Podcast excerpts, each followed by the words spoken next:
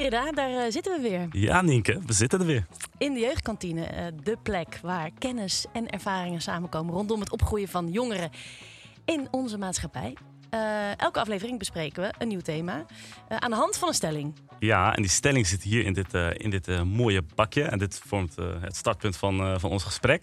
Maar voordat, we, voordat ik deze ga openmaken, moeten we eerst onszelf even natuurlijk voorstellen. Anders Ja, weet de kijker ook niet wie we zijn. Met wie ze te maken hebben. Precies. Oké, zal ik beginnen met jou voor te stellen? Rida Deroui, 21 jaar, uit het mooie Apeldoorn. Apeldoorn. Ja, Yes. ik ben daar geloof ik dus nog nooit geweest, maar het schijnt heel Nog nooit? groen te zijn, toch? Ja, moet je doen. Het is prachtig. Ja. Ja, ja, ik woonde, dus dan is het altijd prachtig, toch? En eh, is dat dan ook iets waar jij, zeg maar, ga je wel eens wandelen in de natuur? Of heb je er iets mee? Of... Nee, nee ik, eh, ik maak nooit een boswandeling of, eh, of dat soort dingen. Ik ga van mijn auto naar, naar plek naar plek. en meer, kom niet uit mijn auto. Dus ja, heel slecht eigenlijk. Maar Nienke de la Rive Box Mhm. komt uit Amsterdam. Dat is heel anders dan Apeldoorn. Heel druk. Veel, ja, gewoon veel mensen. Nou, ik kom eigenlijk niet uit Amsterdam, hè. ik kom uit Nichtvecht. Oké, Ooit van gehoord? nee, Nee. nee. Ligt dat bij Amsterdam? Ook groen, klein dorpje. Ja, ligt Ja? bij Amsterdam. Ja. Oké. Heel goed. Hey, en eh, ja, wat, eh, wat gaan we vandaag bespreken? Ja, we gaan van, het vandaag hebben over het thema klimaat. En daar hoort natuurlijk een stelling bij. En die stelling ga ik nu pakken. Jongeren weten beter wat goed is voor het klimaat. Ja. Wat vind jij? Ehm, ik, ik ben het op zich wel mee eens. Ik denk dat jongeren eh, veel beter eh, dan onze ouders weten eh, ja, hoe het klimaat werkt. En hoe we. ja, ze zijn er gewoon veel meer mee bezig, zeg maar. Mhm. Alleen ik persoonlijk ben er totaal niet mee bezig. Nee? Nee. Wat dan? Ja, ik weet niet. Ik vind het gewoon een, ik vind het een probleem voor later. Ik, ja, ik zie geen reden om zeg maar, nu helemaal me gaan druk te maken over het klimaat. En ik denk dat het toch al te laat is, zeg maar. Snap je wat ik bedoel? Dus ja, ik weet niet. Het, ik, ik heb er gewoon, eh, ja, ik, ik heb er gewoon geen tijd om daarover druk, druk te maken. Hoe zit het met jou? Ja, ik maak me er echt heel erg druk over. Eigenlijk Ja? echt de hele dag door. Zo'n beetje, misschien ook wel weer iets te veel. Eh, en ik heb het gevoel, juist weer dat het niet iets voor, is voor de generatie later. Omdat ik denk, die zitten dan al met de gebakken peren. Maar ik ben het wel met je eens dat ik soms ook wel eens denk... ja, heeft het eigenlijk wel zin om nog wat te doen? Want waarschijnlijk Ja. gaan we toch al naar de haaien met z'n allen. Maar weten Eh. wij het beter dan onze ouders, denk je? Ehm, nou, ik, ja, ik denk dat jongeren wel beter weten dat er echt iets moet gebeuren nu. En dat, want ik denk eigenlijk vanaf de jaren zeventig is het al bekend. Dus ik denk dat de eh, ouders het wel weten, maar gewoon niet ja, echt ja, de noodzaak voelt om iets te doen. Dus dat denk ik vooral, dat jongeren veel beter weten dat er iets moet gebeuren. Ja, Ja. ik ja, schaam me soms wel hoor, naar jongeren toe eigenlijk Ja? ook. Ja, ik heb soms echt dat ik denk, jeetje, ik heb ook gewoon lekker gevlogen en zo. En pas nu realiseer ik me van, wow, het gaat echt fout. En ik denk, ja, jullie zitten er maar mee. ja. Maar ja, je hebt dus echt het gevoel dat het later pas Ja ik, heb, ja, ik heb echt het gevoel dat het echt niet, zeg maar, mijn generatie ook niet is van mijn kinderen. Ik denk echt pas later, pas dat, dat, dat, we, daar echt, eh, dat, we daar, dat we daar echt wat van gaan merken, zeg maar. Nou, ik ben benieuwd wat de gasten ervan vinden, dus eh, laat de eerste gast maar binnenkomen. Yes. Is Hey. goed? Hallo Pepi, goed je te zien. Ga lekker zitten. Thanks. Wat wil je drinken? Want eh, zoals die Eh. gaat, eh, ik regel jouw bestelling en dan krijg jij van mij een stelling. Ik wil water heel graag. Water? Ja, lekker makkelijk. Nou, dat moet, eh, moet te doen zijn. En terwijl Rida je drankje haalt, eh, is het misschien het perfecte moment om je even voor te stellen. Oké, hi, ik ben Pippi. Eh, ik ben zelf niet meer heel jong. Ik ben net 27 geworden. Eh, en ik ben hier, want ik ben heel actief bij Extinction Rebellion onder andere. Maar ook bij Milieudefensie gewerkt. En zit dus diep in de klimaatcrisis en de klimaatrechtvaardigheidsstrijd. Oké, duidelijk. Nou, fijn dat je het bent. Je hebt je bestelling gekregen. Thank you. En ik heb, hier, eh, ik heb hier een stelling voor je. Mhm. Ehm, ja, ik, ik ga hem gewoon aan je geven en dan mag je hem, eh, dan mag je hem voorlezen. Jullie hebben me geprint zelfs, lief. Jongeren weten beter wat goed is voor het klimaat. Ehm, ja, ik denk jongeren weten in ieder geval heel goed wat ze zelf willen en hoe ze willen dat hun toekomst eruit ziet. En wat dat betreft, eh, ja, de klimaatcrisis stelt hun toekomst en voor heel veel jongeren op het, dit moment al hun leven in gevaar. En ik denk dat het heel belangrijk is om jongeren die onvertegenwoordigd zijn in de politiek of ondervertegenwoordigd zijn, actiever te betrekken en eh, hun te laten vertellen ja, wat, hoe ze hun leven willen zien en ook hun toekomst willen inrichten. Dus I guess yes. Je bent het eens eh, met de stelling. Ja. Heel goed. Maar ik ben het niet eens. eh, jo- ouderen mogen ook wat zeggen. Die mogen wel wat zeggen. Ja. zeker. Heb jij veel dat gesprek gevoerd met je ouders? Met mijn ouders. Ja. Eh, zeker. Het ging thuis echt vaak over het klimaat. Ehm, maar ook een hele periode niet. En toen begon ik er weer heel erg over. En toen wilde ik eerst vegetariër worden. En op een gegeven moment begon ik met protesteren. En daar gingen ze wel eens mee. Of ze vonden het wel oké. Eh, maar waren ook nog een beetje argwanend of een beetje op de achtergrond. Dan gingen ze me ophalen uit de cel. En dan waren ze wel trots of zo, maar dan was het gewoon heel rustig. En dan gingen ze niet zelf mee. En nu gaan ze zelf naar de A12.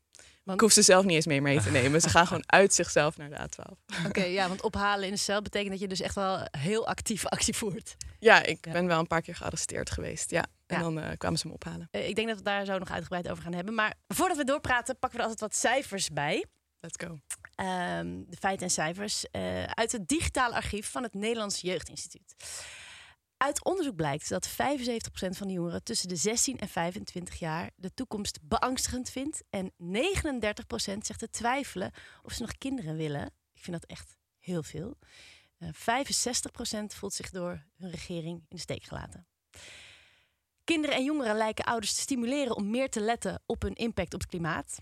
En jongvolwassenen lijken meer dan ouderen bereid om voor radicale keuzes te gaan en daarvoor de kosten te dragen. Nou, daar ben jij eigenlijk, Pippi, al eh, een levend voorbeeld van. Best wel veel, toch? Ja, bizar. Het is echt, eh, echt heel veel. En ook dat ik dan eh inzie dat ik bij dat kleine procent hoor Jij? wat Ja. er niet mee bezig is. Jij wil net zeggen, hoor jij bij die nee, eh, zoveel 70% of niet? Nee, nee, Nee? nee. nee. Ja, ik, ik, ja, het is misschien heel slecht voor mij hoor. Maar Nee, ik, nee, ja, het is helemaal niet slecht. Ja, nee, maar ik ben er totaal niet mee bezig. Ik, eh, ik denk echt gewoon, het is een zorg voor later, weet je wel. Mm. Dus ik zie niet in waarom we nu... Het is al toch al te laat of zo, dus dat gevoel heb ik. Ja? Hoezo? Het is een zorg voor later en het is al te laat. Eh, ja, dat is een goeie. ja, gewoon van... eh, Ik denk dat, het, dat we daar toch niet... ehm, dat we daar nu niks meer aan kunnen Mhm. veranderen of zo. En dat... eh, stel dat we dat wel zouden doen, dat Mhm. dan misschien over eh 50 jaar iets verandert. Begrijp je wat ik bedoel? Dus dat, daar zit, zo sta ik er een beetje in. Ja. Je voelt de urgentie niet echt nee, om nee, ja. Nee. Ja. ja, want jij hebt ook onderzoek. Ik noemde net wat, wat, wat cijfers. Jij hebt zelf ook onderzoek eh, gedaan hè, naar, naar eh, hoe, hoe jongeren zich erover voelen, het welzijn. Ja, ehm, en ja, want we werken, ik werkte heel veel met jongeren, ook vanuit Milieudefensie, bij Milieudefensie Jong. En we werkten erg op de aanname dat er best wel veel jongeren zijn die zich heel veel zorgen maken om de, over de toekomst. Vanuit deze cijfers ook kwam dat. Ehm, maar hoeveel zijn het er nou die met klimaat echt bezig zijn? En ja, dan heb je zoals mensen zoals jij ook die er niet zo mee bezig zijn. Dus we wilden dat even echt in kaart brengen. En hoe erg leeft dat nou in Nederland? En samen met het Ipsos hebben we dat gedaan. En we hebben gezien dat eh ja, 70% van de jongeren daar ook inderdaad heel erg mee bezig is. En vindt dat er eh, nu wat gedaan moet worden. Eh, maar je ziet, we hebben gemeten in hoeverre baat het, zeg maar, zijn mentale gezondheidszorgen. En dan zie je dat bijvoorbeeld een kwart van de jongeren nieuws over het klimaat mijt. Omdat ze eigenlijk best wel eh, ja, daar stress van krijgen. En één op de vijf jongeren heeft zelfs rondom het thema klimaat eh, eh, stressklachten. En dat gaat dan over niet goed kunnen slapen, verdrietig zijn ehm, en zich alleen daarin voelen. En dat zijn best wel heftige cijfers. Dus één op de vijf die echt ja, stress heeft, omdat er overstromingen zijn op deze wereld. En dat ze hun toekomst niet goed ehm, kunnen voorbeelden en inbeelden hoe dat dan gaat zijn. En zeker niet hoe die positieve toekomst dan ook nog zou komen. Eh, dus dat is zeker iets wat wel leeft. En niet bij alle jongeren, want er zijn het ook in vier van de vijf bij wie dat niet leeft. Maar toch is het eh, belangrijk om te snappen dat er dus een hele generatie zit met stressklachten. Mhm. En dan ook eh, dat we dat probleem niet individualiseren of zo. Het is wel heel verdrietig dat zij daarmee kampen. Maar hoe kan het zo dat we onze wereld hebben ingericht dat ze inderdaad daarmee moeten dealen? En niet alleen met de gezondheidsklachten ervan, de mentale gezondheid, maar ook de daadwerkelijke impact op hun leven. Ehm, door de hitte en de, eh, het eten wat duurder wordt. En misschien de honger die later gaat komen, de dijken die gaan doorbreken. Dat zijn niet alleen, blijft niet alleen maar bij mentale gezondheid hangen. Ja. Ja. want jij komt best wel strijdbaar over. Maar al die gevoelens die jij net noemde van de jongeren, van het nieuws mijden, eh, Mhm. stressklachten, angst. Wat, hoe, hoe ervaar je dat zelf? Ja, ik bedoel, ik heb ook heel vaak geen zin in, dit thema. En überhaupt, ik denk, ik wil gewoon... Ik kan wel iets leukers doen dan op het A12 gaan zitten. Ehm, wat je op zich dan ook gezellig maakt. Maar het is ook echt niet leuk. Ehm, en ik heb zelf heel veel last van gehad, ook een, een jaar lang. Toen ik echt volwassen begon te worden. En ik heb ook iets gestudeerd in deze richting in Wageningen. En, maar op mijn studie ging het er eigenlijk ook niet echt over. Maar in het nieuws zie je toch steeds meer slecht, ja, slecht nieuws. en dan ook uh, de rapporten die maar blijven uit, uh, uitkomen over dat het eigenlijk te laat is, inderdaad, bijna. En dat er dus mensen al overlijden. En toen kon ik zelf best wel slechter van slapen. En ik wist ook gewoon niet wat ik ermee moest doen. En ik was best neerslachtig en verdrietig over ook gewoon hoeveel leven op aarde we al verliezen. En dan gaat het over mensenlevens, maar ook dierenlevens. En ik ben zelf nog een beetje nieuw in het dierenactivisme, maar Kijk, ik vind het toch best verdrietig dat we zoveel insectjes kwijtraken en dat we in een massa-uitsterving zitten. En nou, ene heftige feit na het andere. Ehm, en ja, dat was gewoon wel echt zoeken om daar ook iets mee te doen. En uh, ik wilde niet blijven hangen. Ik ben een positief persoon in mijn persoonlijkheid. En dit nam even heel mijn leven over. En ik was er echt inderdaad negatief van geworden. Uh, dus het was gewoon zoeken naar mensen eh, bij wie ik me kon aansluiten. En uh, een manier om dit om te zetten tot wel een positieve iets wat bij mij past. Ja. En wanneer, wanneer ben je dan eigenlijk begonnen met je, ja, met je zeg maar, druk te maken over het klimaat? Wanneer? Ja, um, nou, ik denk dat ik toen ik klein was, was ik er ook een klein beetje mee bezig. Maar gewoon überhaupt met soort van de wereld en hoe het werkt en zo. Dat vond ik allemaal heel fascinerend. En toen ik acht was, toen heette het nog global warming. En toen had ik een soort van global cooling project bedacht of zo. Nou, dat kwam nooit echt van de grond natuurlijk.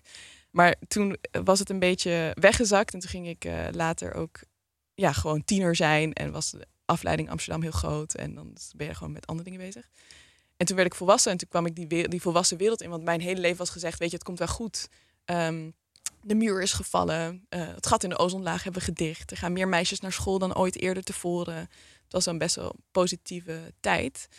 Maar toen kwam de financiële crisis en toen kwam uh, nog meer slechte nieuws over het klimaat. En we deden niks en we deden niks en we deden niks. Het bleef bij mooie praatjes. En ik denk dat ik daar best van ben geschrokken toen ik dus uh, mijn studie afronde en een baan ging zoeken. Dat ik dacht, oh, wacht eens even.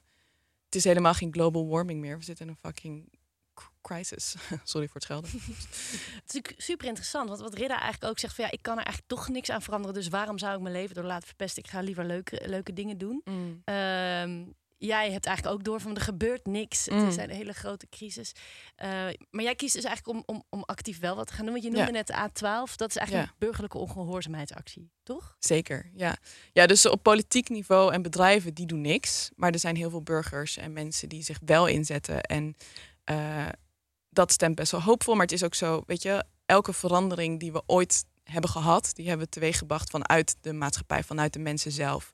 Als je kijkt naar het stemrecht voor vrouwen, het hele feit dat ik kan stemmen, komt omdat mensen zich hebben ingezet, zoals wij dat nu proberen te doen. Of um, gescheiden fietspaden in Nederland hebben we gekregen omdat mensen wegen gingen blokkeren. Uh, dat we een vijfdaagse werkweek hebben, komt omdat mensen gingen staken. Dat we op vakantie mogen, komt omdat mensen gingen staken. Dus alle soort van sociale rechtvaardigheidsrechten, waar we nu het, uh, recht om te protesteren, zoals wij die nu inzetten, dat hebben we allemaal verkregen omdat mensen dingen op de lijn gingen zetten en, en zich gingen inzetten en zich druk gingen maken, omdat ze wisten dat uh, de macht het niet vanzelf zomaar ging geven. En dan de macht, soort van de bedrijven of de politiek gaat niet uit zichzelf bewegen, maar wel als wij het heel graag willen. En als wij zeggen, ja, maar het moet. En um, dus ja, zover zijn we gekomen. Ja. Dat de petities tekenen en de marsen lopen en de politici bellen niet genoeg deed. Dus dat we, oké, okay, erachter kwamen, dan moeten we de bres op. Ja. Wat ik heel goed begrijp. Uh, Ik steun die acties ook wel. Maar het is ergens aan de andere kant ook wel. Het is nogal wat om mensen inderdaad op te roepen. Zeg maar, zeker ook jonge mensen van. Uh, Oké, okay, ga gewoon tegen de regels in. Ja. Ik kan me voorstellen dat dat ook heel veel discussie oproept tussen de generaties, tussen de ouders, tussen, tussen kinderen. Wat, wat raad je hun aan? Ja, het is ook heel wat. Uh, maar het leven op aarde verliezen is ook heel wat. En dat is wel, als we heel eerlijk zijn, waar het nu op staat. We hebben het zo ver laten komen. We hebben zo lang niks gedaan. En dan we niet, maar oudere generaties en de grote bedrijven en de politiek hebben het zo weinig gedaan dat we nu uh, zien dat we het leven op aarde staan te verliezen. Uh, en dat um, in 2100 we op zoveel opwarming zitten en met zoveel uitsterving te maken hebben van de natuurlijke wereld, dat we daardoor niet meer onszelf kunnen voeden en onze samenleving. Wat zeg je, 2100 dan? Ja, dan kan het op drie of vier graden opwarming zitten. En dat is zoveel, dat is niet leefbaar. Ja. Um, en dat is gewoon eh, wel een jaartal wat veel mensen kunnen meemaken die jong zijn. Hoe oud ben jij dan? Uh, even, even ja, hoe oud ben je ook weer? 21. Ja. Nou, dan ben je dus niet eens heel oud dan tegen die tijd. Nee. Dan ben je Dus al best wel oud. Dus dat betekent eigenlijk dat het niet eens meer om je kinderen gaat, maar eigenlijk nog in jouw leven. Zeker, zeker. Dat is de hele nieuwsflash. Ja, het gaat Lijp. om jouw leven. Maar kunnen wij dan als Nederland, zo'n klein land vergeleken met de rest van de wereld, Hmm. gaan wij dan echt iets veranderen? Ja, juist. Ik bedoel, eh, Nederland is eh, in die zin klein, maar we hebben ontzettend eh, een grote uitstoot als klein land. We zijn ontzettend verweven met de wereldeconomie. Dus als wij dingen gaan eh, aanpassen, dan, dan zullen we daar ook mensen in meetrekken, zeg maar. Eh, en we hebben ook gewoon een historische verantwoordelijkheid. We hebben zoveel uitgestoten en we hebben zoveel onrecht aangedaan op deze wereld. We hebben de hele wereld geplunderd eh, en hebben onze eigen grachtenpanden daarvan opgebouwd. Eh, het kolonialisme. En het gewoon de rechte lijn daarvan uit doorgetrokken naar nu zijn we nog steeds bezig met heel veel verwoesting en uitbuiting op andere plekken, plekken van de wereld. Wat ik echt heel interessant vind aan jullie gesprek, is Ja. eigenlijk, Ridda is gewoon redelijk zorgeloos. Een vrolijke jongen die gewoon wat van zijn leven aan het maken is. En Leuk. jij bent, eh, eh, maakt je heel veel zorgen. Je hele leven staat er eigenlijk in het teken van in. Hoe, hoe voelt dat? Want dat lijkt me dus ook heel... Want ik begrijp je helemaal. Mm. En ik begrijp jou ook. Maar dit is misschien ook wel een soort clash. Maar er Ja. zijn er wel dingen waar je wel zorgen over maakt in deze wereld? Of überhaupt niet? Eh jazeker. Ja, Jawel. wat zijn dat dan? Eh, familie, Ja, familie, eh, Ja. Vrienden. vrienden, werk, Ja, carrière maken, zeker. dat soort dingen. Ja. Een huis vinden. Ja, en ik ook, weet Ja, je. ja. Dus in die zin zijn we helemaal niet zo ver van elkaar. Ik maak me ook zorgen over mijn broertje en mijn zusje. Mhm. En ik maak me zorgen over. ehm, ik, ja, we zitten in een freaking wooncrisis. Het is allemaal helemaal duur. Daar maak ik me ook zorgen om. En ik maak me ook zorgen of ik welke kant ik nou op wil gaan. Ik wil eigenlijk helemaal niet het activisme in. Ik wil gewoon misschien toneel gaan spelen of gaan schrijven of zo. Ik ben daar ook. Maar het is juist de zorgen om die dingen die dichtbij staan, die mij doen realiseren dat het heel belangrijk is dat we een samenleving maken waar we allemaal in meekomen en dat we überhaupt het leven op aarde proberen te beschermen. Want mijn carrière is niks waard in een wereld die in een fik staat. Mijn, eh, ja, enzovoort. Ja, Eh, ik en snap je. Ja. ik kan er best snel ook emotioneel van raken, want het is ook gewoon heel lastig om op deze manier. Ja, nee, het is gewoon echt kut. Sorry, Ja. weer een woord. Ja. Ja. Nee, ik be- ik begrijp je. Ja. En wat voor verschillende acties kun je dan voeren? je inzetten in je buurt en eh, aansluiten bij eh, wat er al is. Maar ik denk op het thema van klimaatrechtvaardigheid specifiek eh, kun je ja, dus bij een Extinction Rebellion waar eh, het demonstratierecht tot in het gaatje wordt benut. maar er zijn ook groepen zoals eh, Fridays for Future, waar het echt voor scholieren is. Of een Milieudefensie Jong, die zich vooral richt op grote bedrijven en die dan eh, naar grote bedrijven de vergaderingen gaat of naar lobby's om te bes- bespreken met die grote besturen. En ja, de macht, zeg maar, in die zin recht in de ogen gaat kijken en aanspreken op verantwoordelijkheid. Ehm, dus er zijn ontzettend veel clubs. eh, en ja, het is vooral ook op zoek gaan naar iets wat bij je past. En het hoeft ook niet gelijk in één keer raak. Maar ik denk dat vooral wegsturen van apathie. En ehm, dat, daarmee blijf je ook hangen in je moedeloosheid of in je verdriet als je dat hebt als kind of als ouder. Ehm, en zoveel mogelijk gewoon proberen. En kritisch blijven en nog een keer proberen. En nog een keer proberen. En nog een keer proberen. En dan weet je, want dat is de, wat geschiedenis ons heeft laten zien, dat verandering op grote schaal mogelijk is. ja, want wat ik wel opvallend vond... Jij hebt een opa die gewoon bij Shell werkte. Dat is ook een grappig contrast. Ja, mijn opa die inmiddels is overleden. eh, hij werkt inderdaad bij Shell. En voor mij staat dat ook echt symbool voor hoe, in hoeverre soort van we allemaal afhankelijk zijn van die hele fossiele industrie. En dat zijn namelijk die Shell-bedrijven en BP's en Exxon, dus het gas en olie. Hoe diep dat in onze samenleving zit en hoe moeilijk dat is en gaat zijn om daarvan eh, los te komen. Ehm, want het zit in onze families, in onze hele systeemstructuren van de samenleving. En eh, ik ben er persoonlijk ook bijna direct afhankelijk van geweest. Doordat het eh, deels voor mijn studie heeft betaald, weet je wel. Dus dat is. ehm, maar dat is niet erg. Eh, in, die zin staan we ook. ehm, ik weet dat mijn opa wel had mee kunnen komen op een gegeven moment. Het is ook. eh, ik, ik ben niet tegen mijn opa in deze hele strijd. Maar ik ben tegen de prikkel van die hele grote bedrijven om hier willens en wetens nog aan door te blijven verdienen. Terwijl ze weten wat er op het spel staat. Daar ben ik tegen. En eh, het idee is dat ik dat. eh, de opa's van deze wereld daar gewoon in die strijd gewoon mee kunnen. Want ook hij is voor het leven op aarde. Maar misschien is dan aansluiten bij een, een actiegroep voor sommige mensen een grote stap. Heb je ook andere tips? Ja, ik denk eh, een soort van gewoon de plek waar je begint. Is misschien ook een leuke tip voor jou. Oh ja, is misschien toch wel een stukje blootstelling aan, eh, de problematiek. Een soort van toch een keer het nieuws hierover lezen. Of een, iets opzoeken erover. Of eh, aan je leraar op school vragen of ze er iets over kunnen vertellen. En toch iets meer inzicht krijgen in, in hoe groot het is. Eh, en dan als volgende tip is daar gewoon eventjes rustig over nadenken. En het hoeft niet heel lang. Het hoeft ook niet heel de hele dag. Liever niet zelfs. Maar ga er gewoon heel eventjes mee zitten. Laat het gewoon even binnenkomen. En kijk dan wat dat voor jou betekent. En of je er iets mee wil. Dat is mijn eerste tip. Het is dus als je het tot je door laat dringen, wat je eigenlijk zou willen dat iedereen dat doet, echt heel deprimerend, vind ik. Zijn er ook dingen ja, die wel positief zijn of om, om, om op een positieve manier mee om te gaan? Het goede nieuws is dat we iets kunnen doen.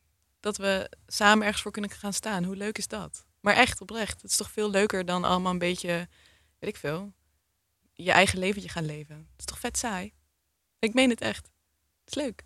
Pippi, heel veel dank Nee, jullie bedankt. Ja, dankjewel.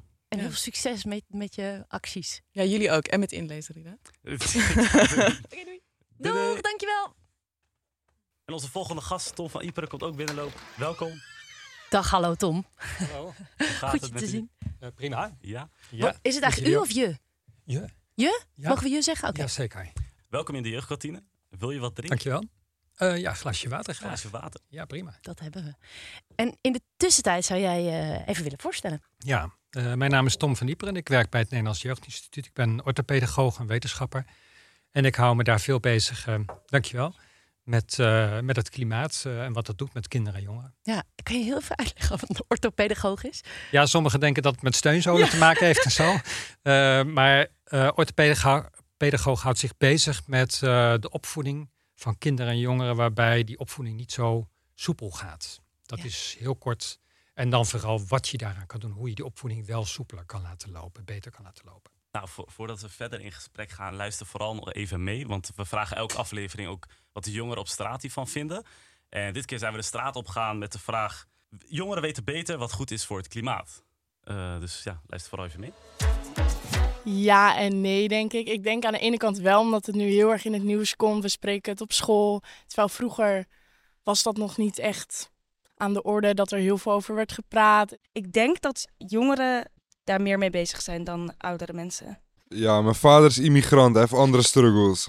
Ik zeg heel eerlijk. Maar ik, ik denk dat wij daar wel wat meer impact in kunnen maken. Het ligt eraan of je ouders natuurlijk ook goed inlezen. Ik denk niet echt dat wij het per se beter weten, maar ik denk wel dat we bijvoorbeeld met nieuwe innovatieve oplossingen kunnen komen. eh, waar ouderen niet per se aan gedacht hebben. Want we zijn meer gewend aan technologie en nieuwe dingen. Zo, moeilijk. Eh, oneens. Ja, ouders gaan wat langer mee, denk ik. Die zien nou de wereld meer veranderen dan wij eigenlijk. Wij zien het van alleen maar in een, een tijdsbestek van misschien tien jaar of zo. Dus eh, ja. Wij zijn meer met eh, duurzaamheid bezig, vergroening. Toen onze jonge, eh, ouders jonger waren, was het nog helemaal niet volgens mij. Dus ja, wij zijn er een soort van mee opgegroeid. Ja, veel verschillende reacties eigenlijk hè? En, kijk op het onderwerp. Wa- Wat valt jou op als je deze reacties hoort? Nou, vooral het eerste antwoord wat er gegeven werd. Ja en nee. Eh, ik vond het eigenlijk heel treffend eh, weergeven van hoe heel veel kinderen en jongeren in dit onderwerp staan. Eh, zij zullen van zichzelf niet al te snel vinden dat ze er meer van weten. Maar ze snappen wel heel goed dat ze er meer mee te maken hebben, omdat ze natuurlijk langer op deze planeet zullen leven. En de gevolgen van de klimaatverandering ook, zoals ze nu al merken, ook zullen gaan merken. Ja, en wat, eh, ja, wat vindt u dan van, van- de, van de stelling, zeg maar? Jongeren weten beter wat goed is voor het klimaat. Nou, ja en nee dus. Ja. Eh, ja, ze weten beter wat goed is voor het klimaat. Ze weten heel goed dat er veel moet gaan veranderen. Willen ze een goede toekomst tegemoet kunnen gaan. Eh, maar nee, ze kennen niet alle oplossingen. Want dat onderwerp is zo groot en zo omvangrijk en technisch ook best wel ingewikkeld. Ehm, dat zij dus ook niet alles kunnen weten. En dat, dat snappen zij ook wel. Dus ze zijn ook afhankelijk van veel andere mensen en partijen om ervoor te zorgen dat die veranderingen doorgevoerd worden. Dus er nog meer over weten, dat is één stap. Maar ja, dat er naar gehandeld wordt, dat is natuurlijk ook een tweede. Zeker. Ja. Ja, en dat is, dat is helemaal geen makkelijk ding ernaar te handelen. Want we zitten zo allemaal in onze routines. En we zitten zo in een omgeving die doordrongen is van gebruik van fossiele industrie. Koop maar een hippe bos bloemen. En het zit vol met bloemen die van overal de wereld worden ingevlogen zonder dat we dat eigenlijk weten. Het staat er ook niet op. Mhm. Dus je gedrag veranderen en onze samenleving veranderen, zodat dat beter gaat, is, eh, is echt eh, een enorme onderneming. Ja, nou, we hebben het eerder, voordat jij binnenkwam, ook best wel gehad inderdaad ook over het percentage jongeren dat klimaatangst eh, heeft. Hoe, hoe staat het er volgens jou mee gesteld? Ja, ik vind dat best wel een zorgelijk beeld, wat, eh, wat uit heel veel verschillende studies inmiddels naar voren komt. Dat zijn studies die over de hele wereld worden gedaan en die geven heel, eigenlijk heel veel hetzelfde aan, dat het overgrote deel van de kinderen en jongeren, eh, de meeste studies wijzen op zo'n 70 procent, dat is echt veel, zich echt zorgen maakt. En die zorgen uiten zich dus in angst, in somberheid, ook in wantrouwen naar de overheid en naar het bedrijfsleven. Dat is ook niet echt goed hoor. Zeker ook het wantrouwen naar de overheid niet, omdat het een hele belangrijke partner is voor de aanpak. Ehm, hè, dus wereldwijd zijn het er echt heel veel kinderen en jongeren die die zorgen laten zien. En dat vind ik op zich een, een heel akelig beeld. Ja, je zal maar in deze tijd leven en daarmee geconfronteerd worden. Dat is niet goed. Maar waar zijn ze dan het meest bang voor? Ze zijn het meest bang dat zij geen goede toekomst zullen hebben. Ehm, hè, dus dat, het, ehm, dat ze zullen lijden onder eh, de hevige overstroming, over zeespiegelstijging. Dat ze niet weten of ze nog in de polder bij Gouda kunnen blijven wonen. Dus dat zijn ehm, de angsten die daar duidelijk spelen. Het zijn nogal wat angsten. Hè? Het is ook zo groot en, en, en zo moeilijk te behappen eigenlijk. En om het je voor te stellen. Ik kan me best voorstellen als je zo jong bent, dat dat echt wat doet ook met je ontwikkeling. Ja, nou, dat zie je ook wel in de studies, hè, dat die ontwikkeling eh, gehinderd kan worden. In de zin van dat die, die angsten of eh, die somberheid, die kan ook best wel wat extremer worden, wat zorgelijker worden, dat het je dagelijks leven beïnvloedt. Tegelijkertijd doet het ook iets anders met de ontwikkeling. Namelijk, het activeert ook heel veel kinderen en jongeren. Ehm, hè, want het- angst is niet per definitie slecht. Het is ook een soort natuurlijke reactie van jouw lichaam, van je eh, hersenen, bij wijze van spreken, om te reageren op stress die je meemaakt in je omgeving. En dit klimaatverandering is een soort omgevingsstress, zou je kunnen zeggen. Nou, wat we zien is dat eh, eh, kinderen en jongeren naast de, de angst die ze laten zien, ook reacties geven in de zin van, ja, maar dat, dat, dat laat ons niet gebeuren. Daar willen we wat aan doen. En daarom spreken ze hun ouders aan. En denken ze van, goh, moet ik toch niet naar die A12 gaan, weet je wel. Zo. Ehm, dus het activeert ze ook. En dat doet ook iets met hun ontwikkeling. Eh, en dan in, zou je kunnen zeggen, in positieve zin. Want het activeert hen om mee te gaan helpen aan de oplossing waar we aan moeten gaan werken. Ja. Eh, Wordt er naar geluisterd? Heb je het idee? Want ik denk dan, oké, we moeten als volwassenen iets doen aan het klimaatverandering. Maar we moeten ook echt iets doen dan aan die 70% jongeren die zich zorgen maken. Ja. Ja, en het is echt ook een verantwoordelijkheid van de volwassenen. Wij noemen dat een pedagogische verantwoordelijkheid. Een verantwoordelijkheid voor de volwassenen om dat heel serieus te nemen. En dan om daar iets aan te gaan doen. Dan kunnen we natuurlijk zeggen, dan gaan we ze allemaal therapie geven of zo. Maar dat is natuurlijk dweilen met de kraan open. Mhm. Eh, dat moet zich gaan vertalen in ander gedrag van eh, de volwassenen. Niet alleen de ouders en eh, de volwassenen in het onderwijs, maar alle volwassenen in onze samenleving. Om ervoor te zorgen dat het toekomstperspectief van die kinderen en jongeren wat het klimaat betreft gewoon veel beter wordt. En dat betekent heel concreet veel duurzamer gedrag gaan vertonen. Stoppen met heel veel gebruik van fossiele, eh, indus- eh, fossiele brandstoffen en allerlei eh, producten die ervan gemaakt zijn. Is echt een hele grote verandering gaan doormaken als samenleving. Maar dat is, dat, dat is gewoon nodig om die toekomst voor die kinderen en jongeren beter te maken. En die angsten dus in die zin weg te kunnen nemen. En het is nogal cru, want ook uit de, feiten van het ENI blijkt dat vooral kinderen bezig zijn met hun ouders stimuleren. Dus nu lijkt het bijna een omgekeerde wereld dat kinderen hun ouders aan het opvoeden zijn om zich eh, op klimaatgebied beter te gedragen. Ja, wat je ziet is dat eh, zo'n 30% van de kinderen die trekken hun ouders aan de mouw. Hè? Zo Ja. van, eh goh, zouden we iets wat meer gaan doen. Maar wat je ook ziet is dat er in toenemende mate volwassenen zijn die zich heel bewust zijn van de grote verandering die doorgevoerd moet worden. Het is alleen zo complex, zo ingewikkeld, dat er dus niet alleen die ouders, maar veel meer partijen nodig zijn. Ook die industrie, ook de politiek. We zien wat dat betreft wel een enorme versnelling komen in de veranderingen. Eh, het is dat ook vanuit de Europese Unie er veel harder beleid wordt gevoerd. Dat heeft grote consequenties, ook voor Nederland. En dat geeft ook een enorme steun aan de verandering die nodig is. Gelukkig zijn er ook steeds meer eh, volwassenen die echt vinden dat ze hun huis moeten verduurzamen. Steeds bewuster worden ook eh, veel mensen dat, nou ja, die diamanten bruiloft van oma en opa, die ze graag willen vieren op de Canarische eilanden en daar de hele familie voor willen uitnodigen. Kan dat nou eigenlijk nog wel? Weet je wel? Dat besef dat begint steeds meer en sneller door te dringen. En dat is op zich wel een goede ontwikkeling. Maar is nog niet genoeg, want dat moet ook daadwerkelijk worden doorgevoerd. We spraken hier voor Pippi en die zei gewoon nee, het moet harder. Burgerlijke ongehoorzaamheid. We moeten echt de overheid gewoon nu dwingen. Dus ik kan me ook voorstellen ja, dat er meer nodig is dan alleen die dingen die je net noemde. Ik denk dat het heel goed is om de overheid te dwingen. En het eh, bedrijfsleven ook te dwingen. Eh, door bijvoorbeeld je koopgedrag. Dat is een heel belangrijk instrument. Ehm, maar we moeten ons ook realiseren dat de overheid ons ook moet gaan dwingen. Dat is de omgekeerde eh, beweging die we ook echt nodig hebben. Want het is heel moeilijk om als samenleving, allemaal als individu, als vaders, moeders en kinderen apart, al die maatregelen te nemen. Daar heb je ook heel veel van nodig aan wat de regels van de overheid zijn, eh, om ervoor te zorgen dat het jou ook makkelijker wordt gemaakt om dit soort dingen te doen. Zo heeft eh, UNICEF pas een rapport eh, uitgebracht waarin op basis van heel veel interviews met jongeren, die jongeren zeggen van maakt het OV nou veel goedkoper, het openbaar vervoer, want dat zorgt tenminste voor dat er veel minder mensen dan in die auto gaan. Dus zo heb je ook van de overheid allerlei maatregelen nodig en zal de overheid ons ook min of meer moeten dwingen om ander gedrag te gaan vertonen. Ja, want ik wilde net zeggen, inderdaad, er wordt altijd heel, ja, heel makkelijk gezegd van ja, gebruik gewoon minder de auto, minder vliegen, et cetera. Maar als dat gewoon totaal niet interessant is, dan is het ook moeilijk om bijvoorbeeld die auto te laten staan als het OV bijna net zo duur is, of misschien zelfs tegenwoordig duurder dan, dan de auto. Of eh, ja, minder vliegen. Eh, ja, kijk, ik heb bijvoorbeeld, ik, heel, heel misschien gewoon een slecht voorbeeld, maar ik heb familie in Marokko. Hè.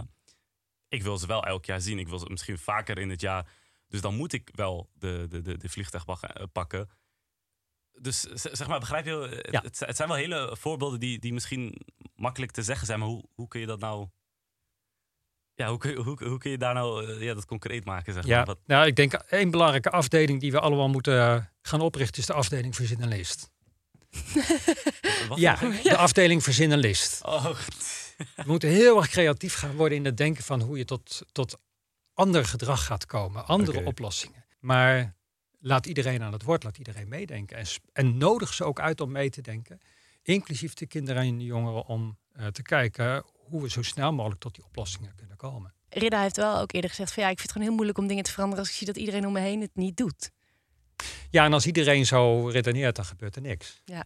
ja, dat is. Dus ben jij dan diegene die dan toch maar Ja. de handschoen oppakt en zegt van ik ga het gewoon doen. Ja. En als je dan ziet dat anderen hetzelfde gaan doen, ja, dat, dat geeft hoop. En we zijn het eigenlijk onze jongeren verplicht. Ja, dat vind ik zeker. Veel om over na te denken. Verzin een list. Met de trein naar Marokko. Kan hè? Kan dat? Ja, kan echt. Hoe dan? Ja, via Barcelona. Oh, dat wist ik niet. Ja. Je noemde het net al een beetje, maar zijn er ook hoopvolle dingen als je naar de toekomst kijkt? Ja, wat ik zelf ook een hele hoopvolle ontwikkeling vind, is dat er in toenemende mate kinderen en jongeren zijn eh, die staten en bedrijven voor de rechter halen. En ze eh, vragen om eh, verantwoording. En soms zelfs veroordeling. Dus er pas dus een rechtszaak, een hele belangrijke rechtszaak tegen de staat Montana.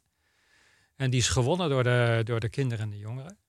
Ehm, waarbij de staat eh, is aangegeven dat die veel meer werk moet maken van goed klimaatbeleid, omdat het veel te gevaarlijk is voor kinderen en ze te weinig blijven doen zoals ze dat nu doen.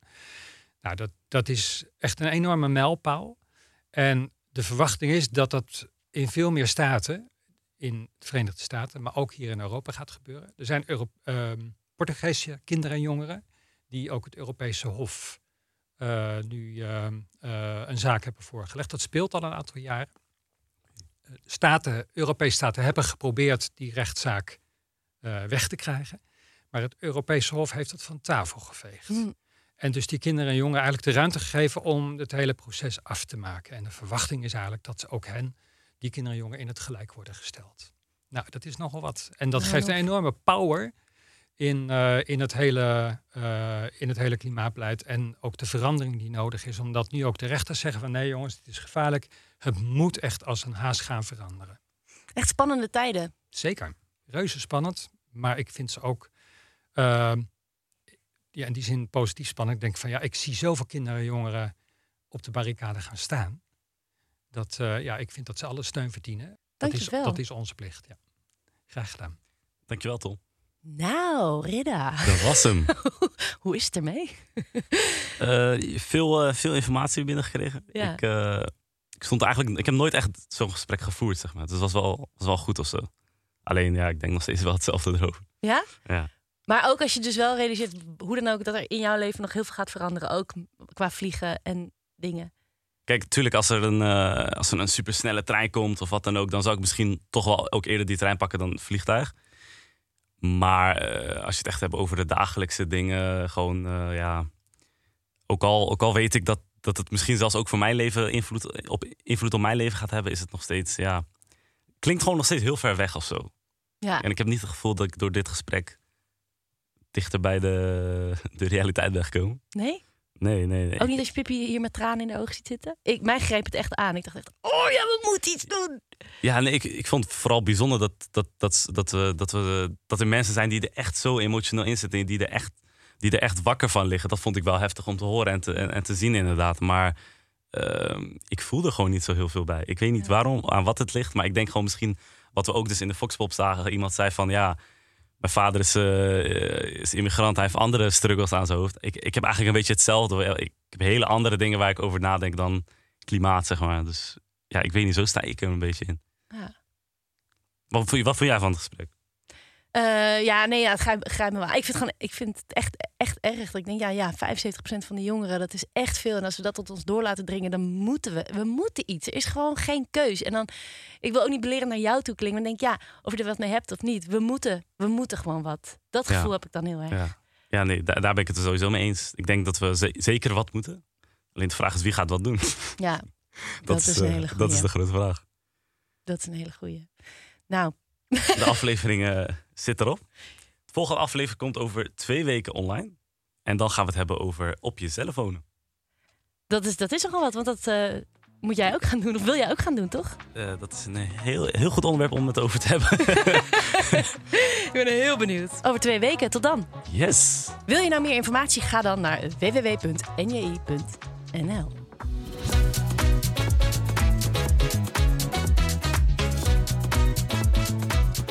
podcast van het NJI.